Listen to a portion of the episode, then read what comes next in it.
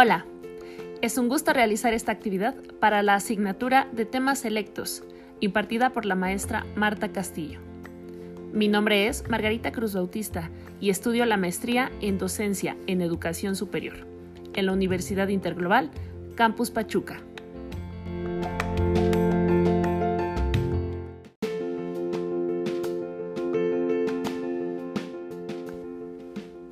En los procesos de enseñanza-aprendizaje hay dos tipos de currículum, el formal y el oculto. En este podcast hablaré del currículum oculto, que es de los que menos se habla, pero para mí es el más importante.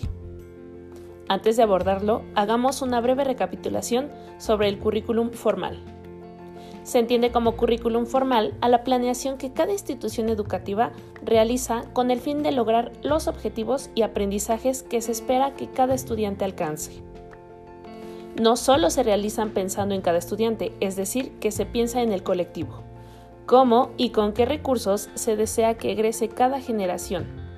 ¿Qué valores son los que practicarán los egresados en cada lugar en el que se presenten y cómo esto hablará de la institución? Es por ello que se desarrollan programas, se plantean los resultados de aprendizaje de cada módulo o asignatura que los docentes imparten. Se tiene una misión, una visión de la institución, existe una filosofía y se destacan los valores que cada miembro de la institución tiene que llevar a cabo.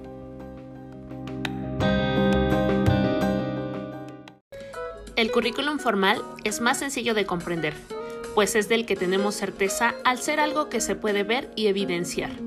Pero el currículum oculto es más complicado de entender y de la misma manera de cuidar su desarrollo, porque al igual que la inteligencia emocional, poco se ha trabajado y resaltado su importancia dentro de cada aula. La inteligencia emocional y el currículum oculto tienen una gran relación e importancia, y además son la base de cada uno de los procesos que suceden dentro del salón y al momento de impartir clases.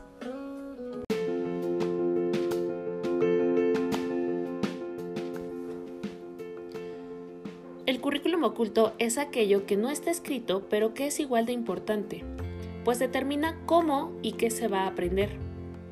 Es una gran responsabilidad que tiene el docente, pues es quien puede transformar el contexto en el que se encuentran los alumnos y crear las condiciones más adecuadas para que los estudiantes aprendan y se alcance el objetivo de cada sesión. El currículum oculto lo podemos ver en la manera en que la o el docente se dirige a los alumnos, cómo presenta los contenidos a revisar y hasta su arreglo personal le transmite al estudiante ánimos o deseos de aprender. Para la realización de este podcast se me ocurrió preguntarle a algunos docentes si saben sobre este tema. Son cinco, cinco docentes a quienes se les hizo unas breves preguntas. Empecemos con el docente Gustavo. Hola, maestro Gustavo. Primero que nada, gracias por acceder a responder estas preguntas. Son únicamente con fines educativos. Le pido que responda con toda sinceridad y confianza. ¿Todo en orden? Sí, afortunadamente me encuentro bien, me encuentro con mi familia y pues tenemos salud y estamos bien todos. Gracias. Perfecto. Me da mucho gusto que todo esté en orden. Ok. La primera pregunta es, ¿me puede decir cuántos años lleva dedicándose a la docencia? Un poco más de cuatro años. Empecé en noviembre del 2016. Excelente. La pregunta número tres es, ¿se formó como docente o tomó alguna especialidad para dar clases? Eh, sí, tengo la licenciatura en enseñanza de la lengua inglesa y la maestría en educación. Soy este profesor de inglés y pues sí, sí me formé para ser profe. Ahora, el proceso de enseñanza-aprendizaje requiere de diversos recursos. Dos de ellos son el currículum formal y el currículum oculto. ¿Tiene conocimiento de ellos?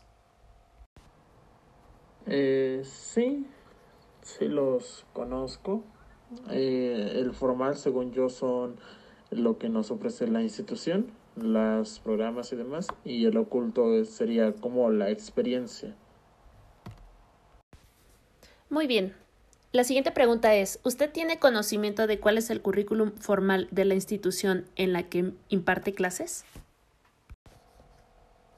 Sí, en las dos universidades donde trabajo, trabajan con el modelo eh, basado en competencias, la educación basada en competencias, por lo que ese sería la, el pilar de la, de la enseñanza. La última pregunta es, ¿usted identifica el currículum oculto que se desarrolla dentro del aula cuando usted imparte clases? Como tal, conscientemente y con la definición, no, pero siempre se toma en cuenta como los, lo, lo formal y lo que podría no salir como se planea, ¿no? Las, las decisiones interactivas que tenemos a la hora de dar las clases. Muy bien, le agradecemos al docente Gustavo. Ahora procederé a hacerle unas preguntas a la maestra Patricia. Hola, maestra Patricia. Disculpe, ¿me podría decir cuántos años lleva dedicándose a la docencia? Seis años dedicándome a la docencia. Bien, ya es algo, es un tiempo considerable. Y disculpe, ¿me puede decir a qué nivel educativo le imparte clases? Media superior y profesional técnica. Muy bien, maestra. Disculpe, ¿usted se formó como docente o tomó alguna especialidad para dar clases? No, no me formé como docente, sin embargo soy ingeniero en electrónica y telecomunicaciones. En este caso el área o áreas en las que me desempeño es en el área físico-matemático y este en algunos casos en formación profesional técnica. Perfecto. La siguiente pregunta es, el proceso de enseñanza-aprendizaje requiere de diversos recursos, y dos de ellos son el currículum formal y el currículum oculto. ¿Tiene usted conocimiento de ellos? Sí, sí tengo conocimiento de estos dos tipos de currículo, formal y oculto. En algunos casos, este, de acuerdo al nivel de estudios, es aplicable uno y en algunos otros casos es aplicable ambos currículos. Disculpe, ¿usted tiene conocimiento de cuál es el currículum formal de la institución en la que da clases? Sí, sí tengo conocimiento del currículum de la institución en donde laboro, ya que este de inicio viene planteado en su plan de estudios en el caso de este técnico profesional. Y disculpe, ¿usted identifica el currículum oculto que se desarrolla dentro del aula cuando usted imparte clases? Al impartir las clases, eh, obviamente considero estos dos currículums, eh, ya que se forma al alumno no nada más eh, de manera académica, sino también se pretende que el alumno lo podamos formar para enfrentarse al, al mundo laboral ante una sociedad es decir, ante la sociedad en el cual él se pueda eh, llegar a desenvolver, depende del área en el que él haya elegido. Disculpe, ya para terminar, ¿usted toma en consideración estos dos currículums al momento de realizar la planeación de sus sesiones? En el momento que eh, nosotros realizamos planeaciones, obviamente consideramos estos dos aspectos ya que eh, cuando formamos eh, técnicos profesionales tenemos la base académica, que es en este caso el currículo formal, y obviamente buscar las actitudes, aptitudes que el alumno puede desempeñar para enfrentarse al mundo laboral, es decir, los preparamos ante otra expectativa. Muy bien, esas fueron las respuestas de la maestra Patricia. Ahora entrevistaremos brevemente a la maestra Rosana. Maestra Rosana, primero que nada, gracias por acceder a responder estas preguntas que son únicamente con fines educativos. Le voy a pedir por favor que responda con toda sinceridad y confianza. ¿Está bien? Sí, está bien. Por favor, ¿nos podría decir cuántos años lleva dedicándose a la docencia? Más de 15 años. Y disculpe, ¿a qué niveles les imparte clases? a nivel técnico, universitario y posgrados. ¿Usted se formó como docente o tomó alguna especialidad para dar clases? No, no tengo una formación como docente. Muy bien. Mire, el proceso de enseñanza-aprendizaje requiere de diversos recursos. Dos de ellos son el currículum formal y el currículum oculto. ¿Usted tiene conocimiento de ellos? No tengo conocimiento de ellos. Cuando imparte eh, clases en alguna institución, ¿usted identifica o revisa el currículum formal de esta? No, no tengo conocimiento del currículum formal. Muy bien. Ahora, ¿usted identifica el currículum oculto que se desarrolla dentro del aula cuando usted imparte clases? No, no tengo identificado con exactitud el concepto de currículum oculto. Y la última pregunta es, ¿usted toma en consideración estos dos currículums al momento de realizar las planeaciones de una asignatura o de alguna sesión?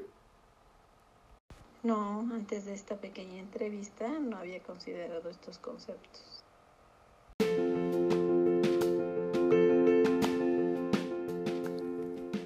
Con el fin de no aburrir a la audiencia, solo se incluirán tres entrevistas. Lo que me gustaría resaltar es que dos de ellos son muy jóvenes y relativamente con poca experiencia, a diferencia de la maestra Rosana, que lleva más de 15 años, y considero que el término de currículum oculto es joven, aunque el creador, Philip Jackson, originó el concepto en 1968, es importante reconocer que las teorías o propuestas en la educación son conocidas y aceptadas poco a poco. Por eso creo que los docentes jóvenes, así como los que están en proceso de formación, tienen muy claro lo que estos conceptos significan y cómo favorecen los procesos dentro del salón de clases. Pero como crítica a esto, considero que es responsabilidad del docente y de las instituciones educativas actualizarse constantemente con el fin de proporcionar los mejores contenidos y en las mejores condiciones a los estudiantes pues fuera de lo que está escrito y quien lo determina son las autoridades administrativas, los docentes son quienes tienen la posibilidad de mejorar las experiencias y que toda la información transmitida tenga un sentido, valía para el estudiante, no solo un montón de información a almacenar en la cabeza. Desgraciadamente, como se ha discutido en las sesiones de la, de la asignatura de temas selectos, se descubren diferentes formas de aprendizaje, estilos, procesos, pero contrario a esto, la enseñanza se sigue impartiendo de manera clásica.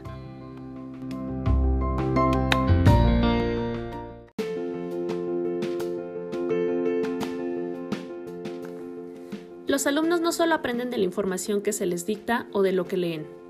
Aprenden las reglas no solo porque estén anotadas en una pizarra o pegadas en la pasta de su libreta. Aprenden de acuerdo a lo que ven que otros hacen, y más las figuras de autoridad, en este caso los docentes.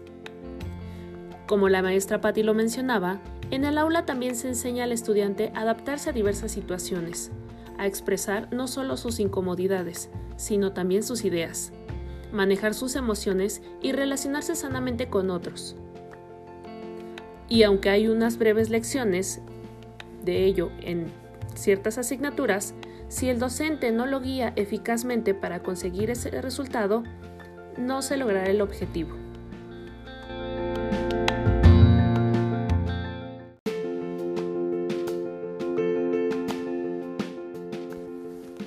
Para terminar con este interesante tema, considero que en estos momentos de pandemia no solo es importante actualizar nuestras habilidades digitales o nuestros equipos, el sistema educativo también tiene que hacer una actualización al concepto que hoy revisamos, pues no se habla, pero su impacto es asombroso. Considero que llevaría al docente a un estado de reflexión y cuestionamiento de sus prácticas. Agradezco a mis compañeras y docente por la atención a mi podcast. Me despido deseando que les haya agradado el tema. Hasta pronto.